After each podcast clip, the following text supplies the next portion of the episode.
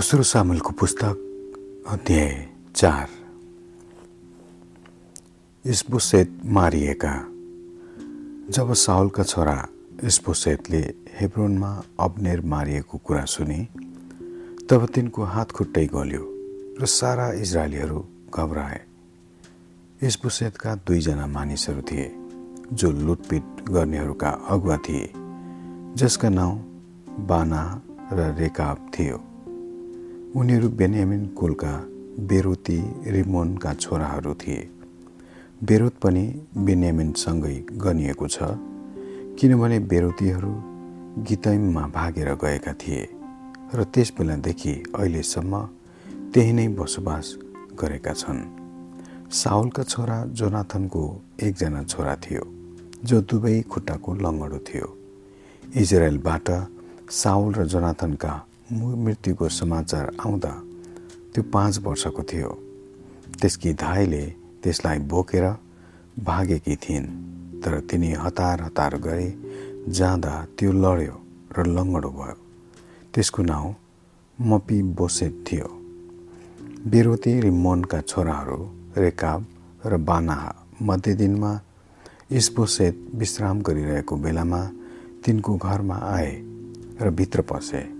उनीहरू घरको भित्री भागतिर गहुँ लिन गए जस्तो गरी गए र त्यहाँ तिनीहरूले तिनलाई पेटमा छुरी हाने त्यसपछि रेकाब र बानाहा सुटुक्क निस्के।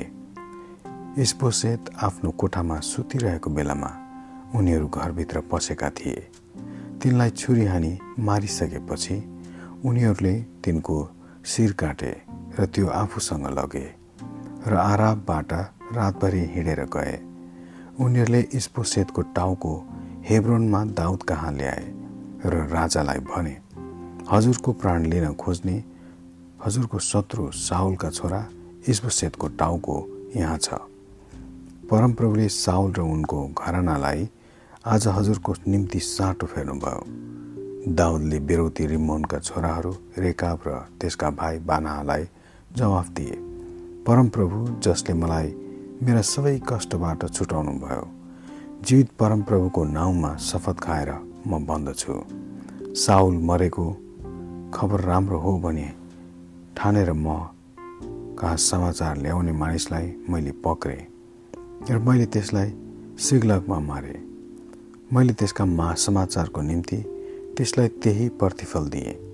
तर दुष्ट मानिसहरूले एकजना निर्दोष मानिसलाई त्यसकै घरमा त्यसको पलङमा मार्छन् भने झन् कति प्र बढी प्रतिफल दिनु पर्ला कि मैले अब तिमीहरूले गरेको हत्याको बदला लिएर तिमीहरूलाई संसारदेखि खत्तम नगर्नु र तब दाउदले आफ्ना मानिसहरूलाई हुकुम दिए र तिनीहरूले उनीहरूलाई मारे। तिनीहरूले उनका हातखुट्टा काटे र हेब्रोनका पोखरीको छेउमा जुन्याइदिए। तर एस्पोसेतको टाउको चाहिँ तिनीहरूले लगेर हेब्रोनमा अब्नेरको चिहानमा गाडे। आमेन।